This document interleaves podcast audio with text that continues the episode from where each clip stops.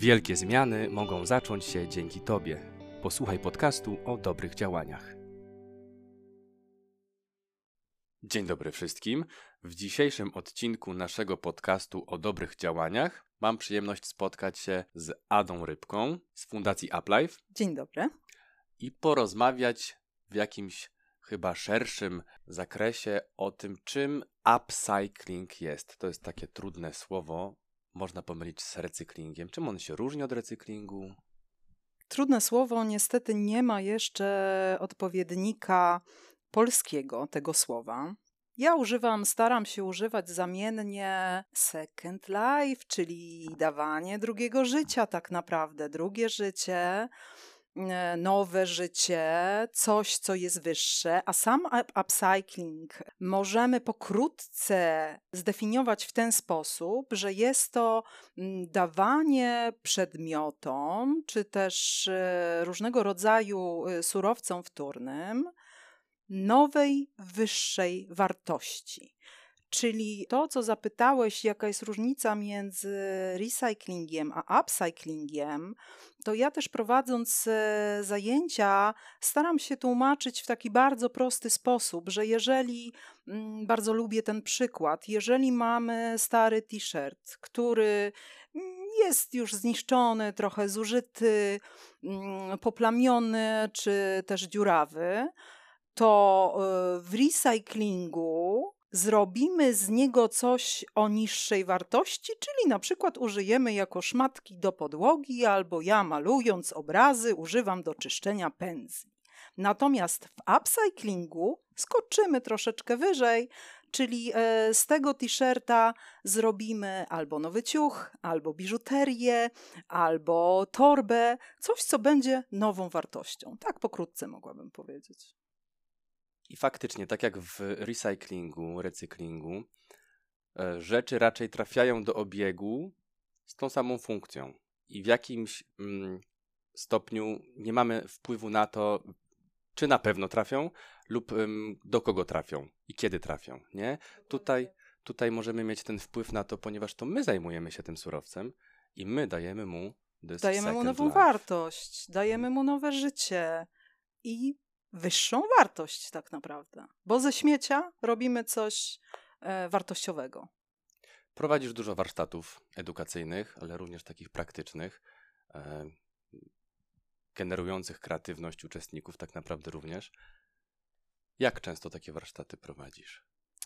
A, to bardzo różnie bywa, bo czasem są miesiące, kiedy rzeczywiście są takie projekty, mm, e, gdzie mm, tych warsztatów jest sporo, jest ich kilka tygodniowo, a zdarza się tak, że jest ich y, kilka w, w miesiącu albo, albo nawet mniej niż kilka tak naprawdę. To wszystko zależy od y, mm, sposobu finansowania tych, y, tych zajęć przede wszystkim e, i też od zamówień klientów. Ja zdradzę tutaj słuchaczom, że my się e, znamy e, i dość. E, Potwierdzam. W zasadzie jesteśmy sąsiadami, nawet można by powiedzieć, bo to jest bardzo bliska odległość nas dzieli od naszych mieszkań. Ja pamiętam, że poznaliśmy się właśnie z racji remontu mojego mieszkania na chyba śmieciarka jedzie grupie facebookowej. Tak. Co prawda dałem życie kolejne y, czy tej farbie, czy tam co od ciebie dostałem wtedy.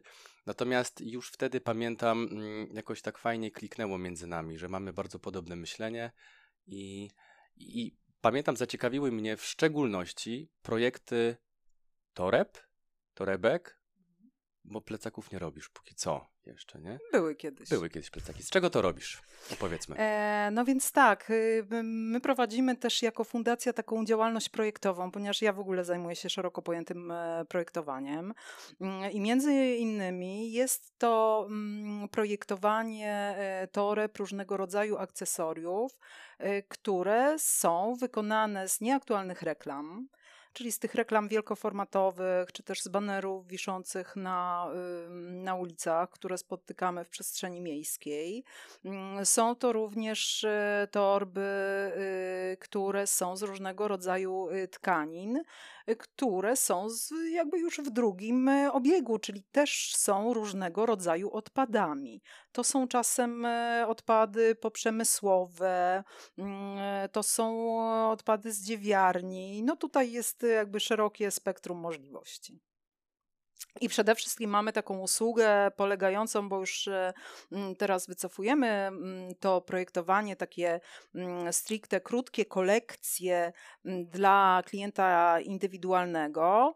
Mamy przede wszystkim taką usługę dla e, firm i instytucji, która polega na tym, że jeżeli jest firma, która ma y, swoje nieaktualne reklamy, bądź też różnego rodzaju odpady, to może się do nas zgłosić z prośbą o zaprojektowanie i wyprodukowanie dla mm, siebie y, gadżetów po prostu reklamowych, które są obrędowane mm, z logo danej firmy i tak dalej.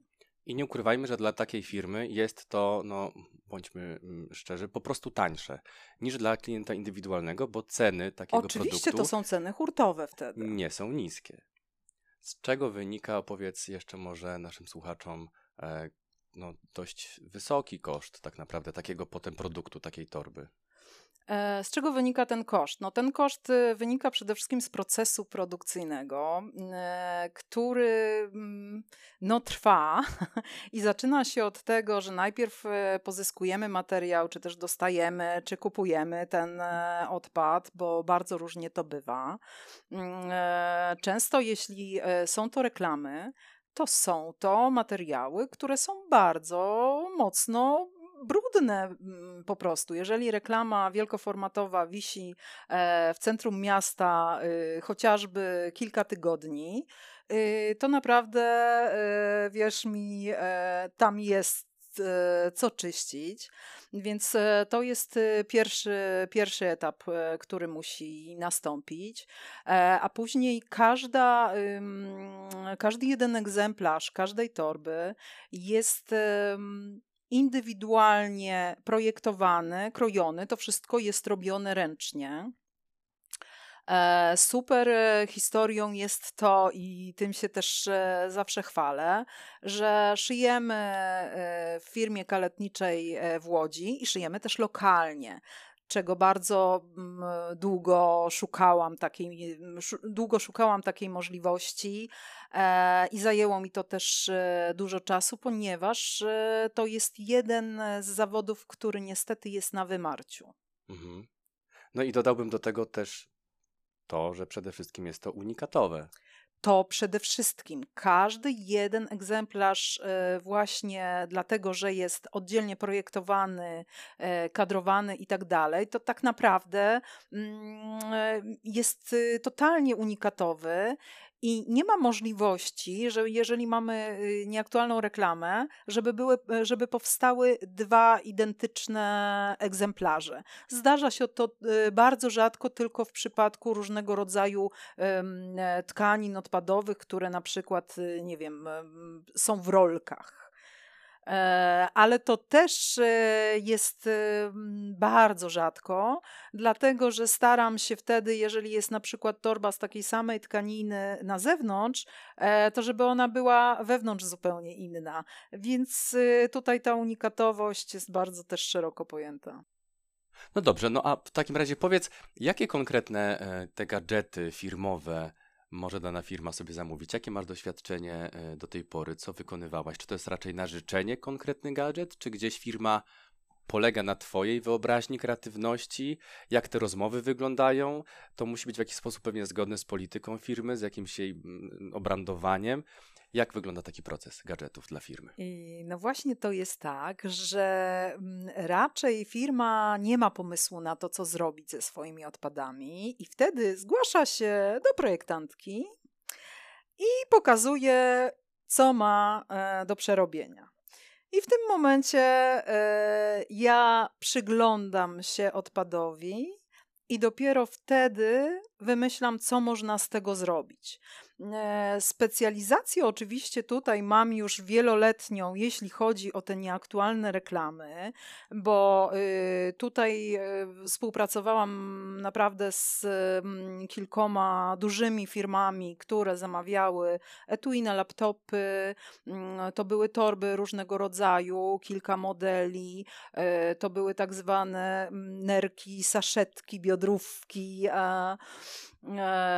to były mm, e, kiedyś dawno temu zdarzyły się portfele, tego typu historie, e, tego typu akcesoria. Jeśli chodzi, torby na zakupy też były.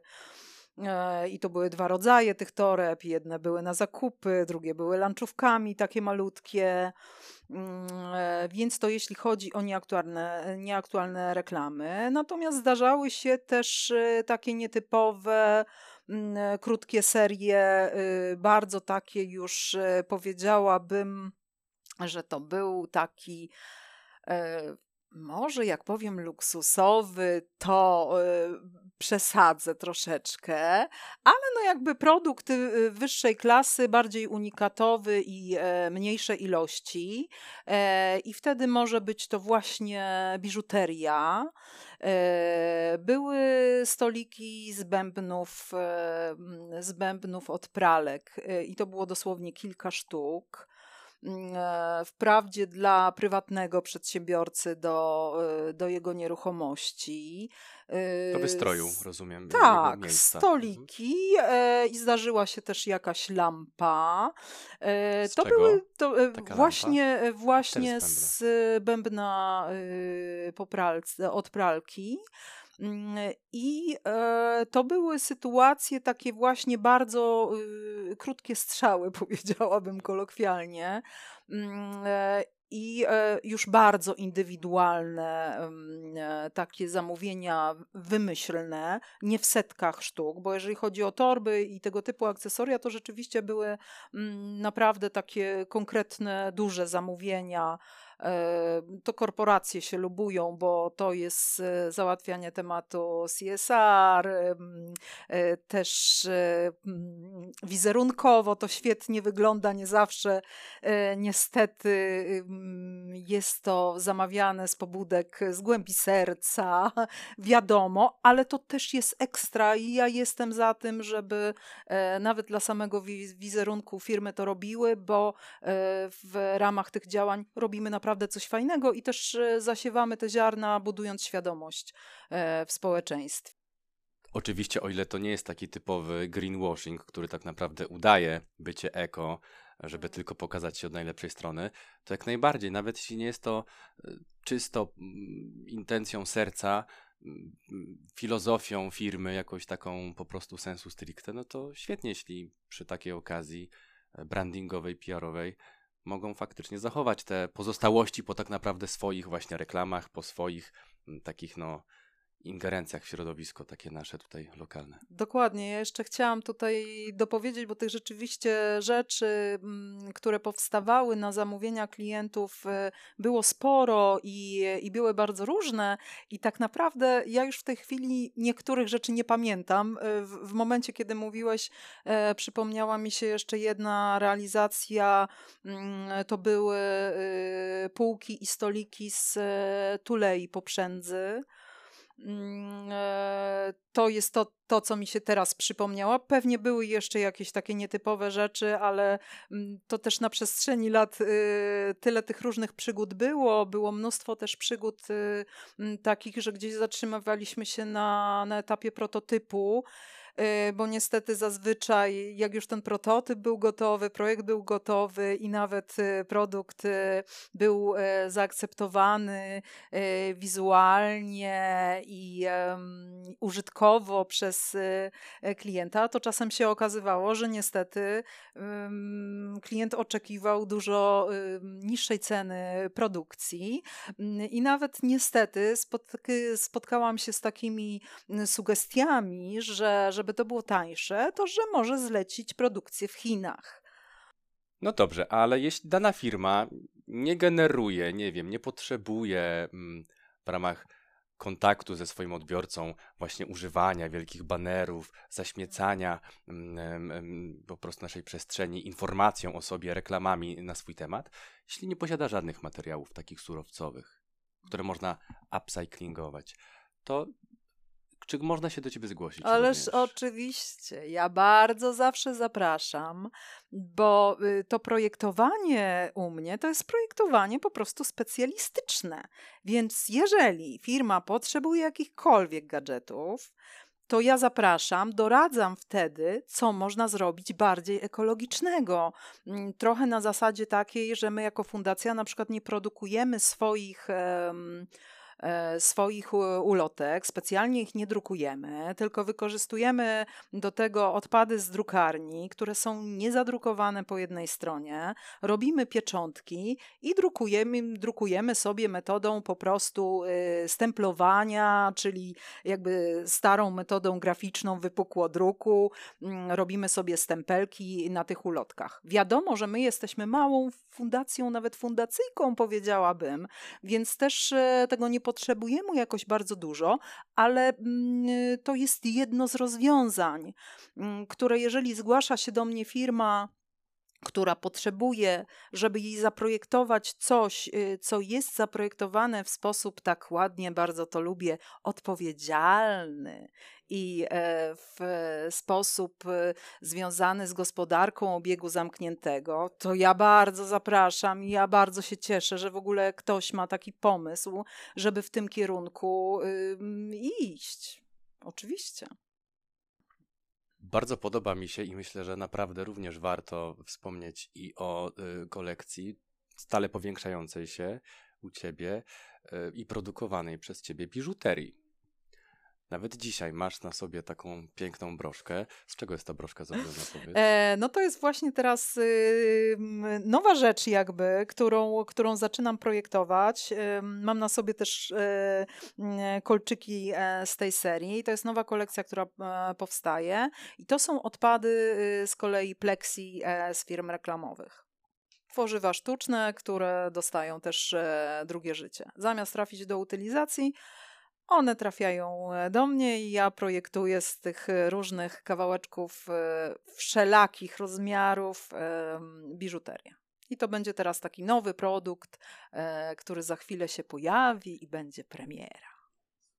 Jakoś tak intuicja mi mówi, że pewnie jesteś osobą, która po prostu inaczej patrząc na śmieci, bardzo często w codziennym swoim życiu znajduje zewsząd po prostu masę inspiracji, co można by zrobić. Y, to prawda, y, znajduję mnóstwo skarbów wszędzie. Y, I to czasem jest przekleństwo. E, już z biegiem lat uczę się tego, żeby nie gromadzić, bo właściwie jak widzę odpady, to mam mnóstwo pomysłów, co można z nimi z zrobić, ale ponieważ nie mam takich zasobów przetwórczych, to jest raz, magazynowych to jest dwa, poza tym życie niestety jest bardzo krótkie i wiem, że już nie zdążę zrealizować wszystkich pomysłów, które mam, to jakby skupiam się na tym, e, co mogę na bieżąco e, przetwarzać, mm, ale też codziennie gdzieś tam obserwując to, co y, staram się, zanim wyrzucę do, do śmietnika, może tak, to zastanawiam się zawsze, czy można to w jakiś sposób przetworzyć. E, już oczywiście po historii e, związanej z tym, że może można komuś to podarować, jeszcze raz e, ktoś będzie się tym cieszył, będzie używał i tak dalej, ale już jak jest ten moment, okej, okay, nikt tego nie chce, nie mogę tego sprzedać, przekazać i tak dalej, to czy można to jakoś przetworzyć? Tutaj od razu wchodzi mi taki wątek, że przede wszystkim staram się nie generować nadmiernej ilości śmieci i, i to to jest ten nawyk, który mam już wyrobiony i którego też y, uczę mm, na naszych zajęciach, żeby przede wszystkim nie produkować nadmiaru śmieci, ale jak już mamy y, te różnego rodzaju odpady, mm, to żeby się zastanowić, co można z nimi zrobić. Dla mnie tutaj największą inspiracją te takie e, codzienne odpady, nawet z gospodarstw domowych, są do y, zajęć warsztatowych, bo mm, tutaj też dążę do tego, żeby żeby na zajęciach pokazywać, że to, co mamy w domu, nie zawsze musimy wyrzucać, tylko możemy ponownie wykorzystać. Ja I tych przykładów jest kilka.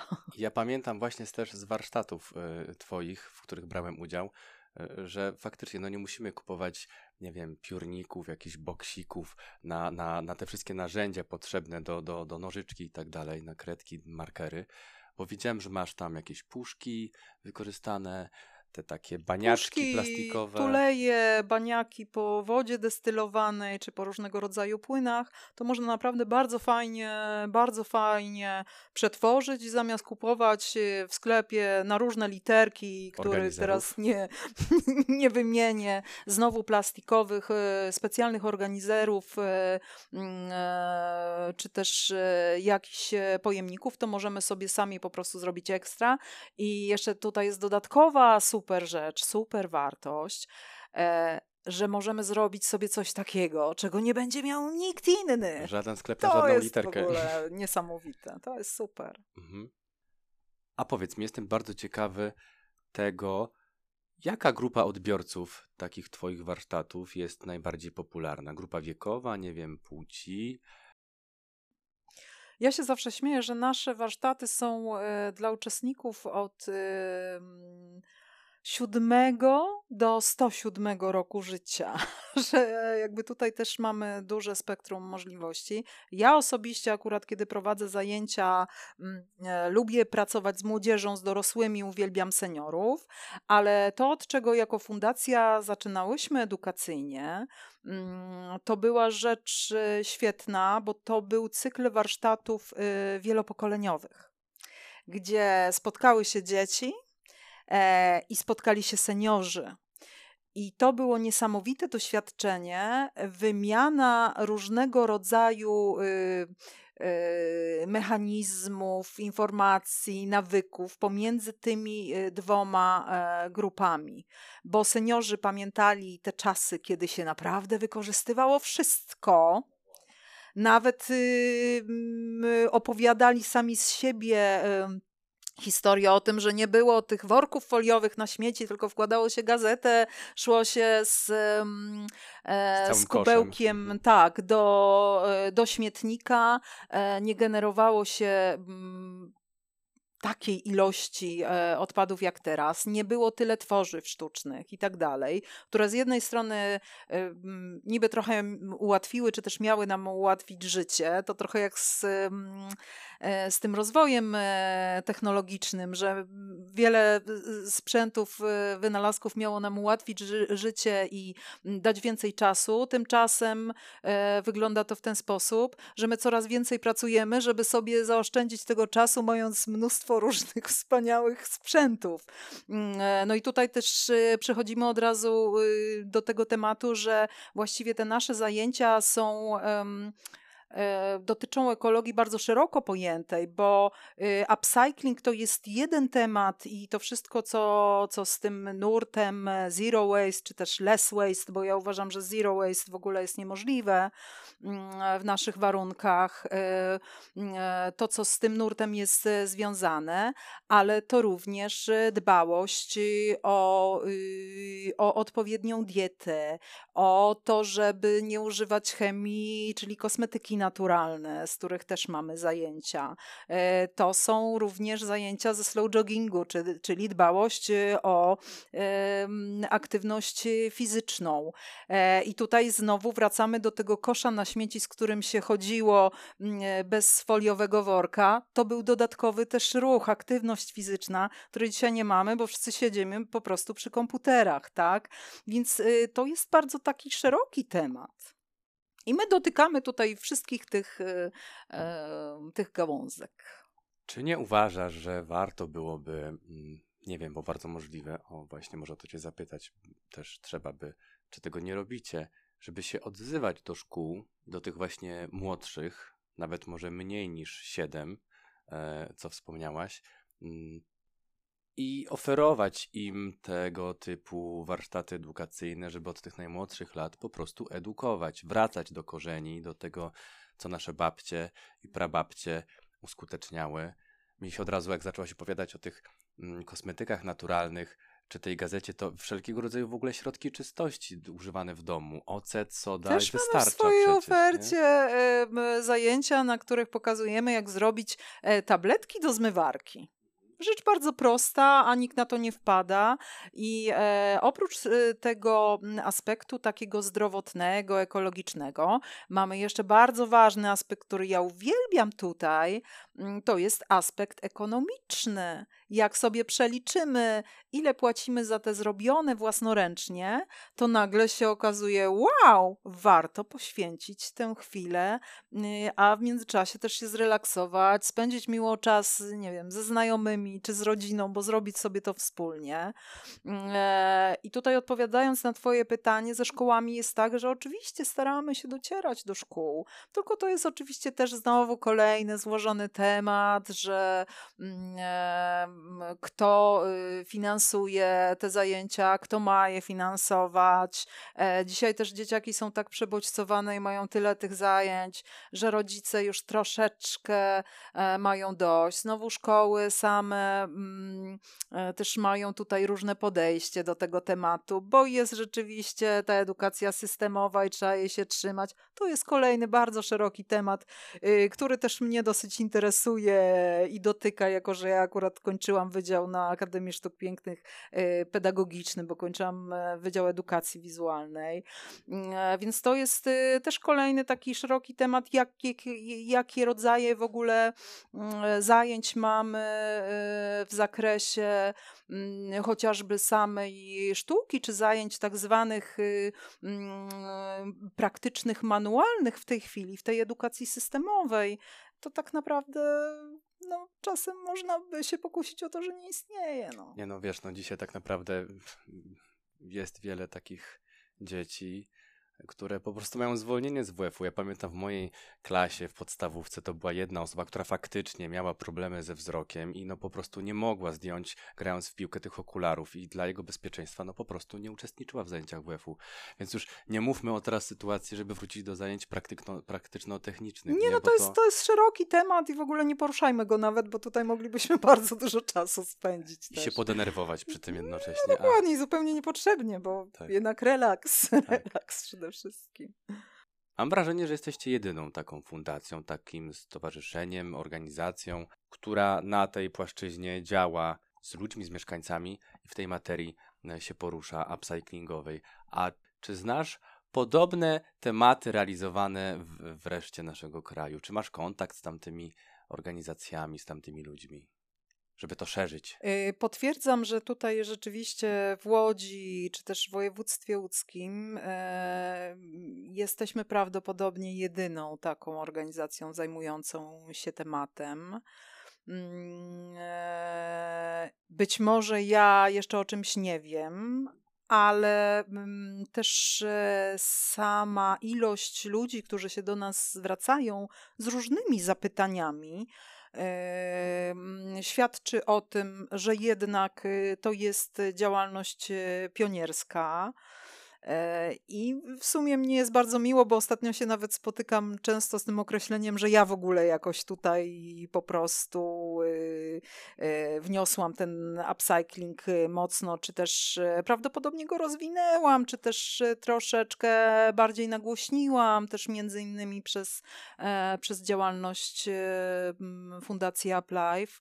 Mm, na terenie kraju znam kilka organizacji, E, z jedną zdarza mi się współpracować, jesteśmy w kontakcie, próbujemy się od y, kilku miesięcy już spotkać, ale jakoś warunki się nie składają. Jest to, e, jest to fundacja z Krakowa, E, fundacja bardziej działająca e, też w temacie upcyclingu, natomiast bardziej już e, w kierunku sztuki, artystycznych działań. Oni też współpracują z Muzeum Narodowym w Krakowie, więc to jest z jednej strony taka pokrewna działalność, ale troszeczkę inny jednak E, profil.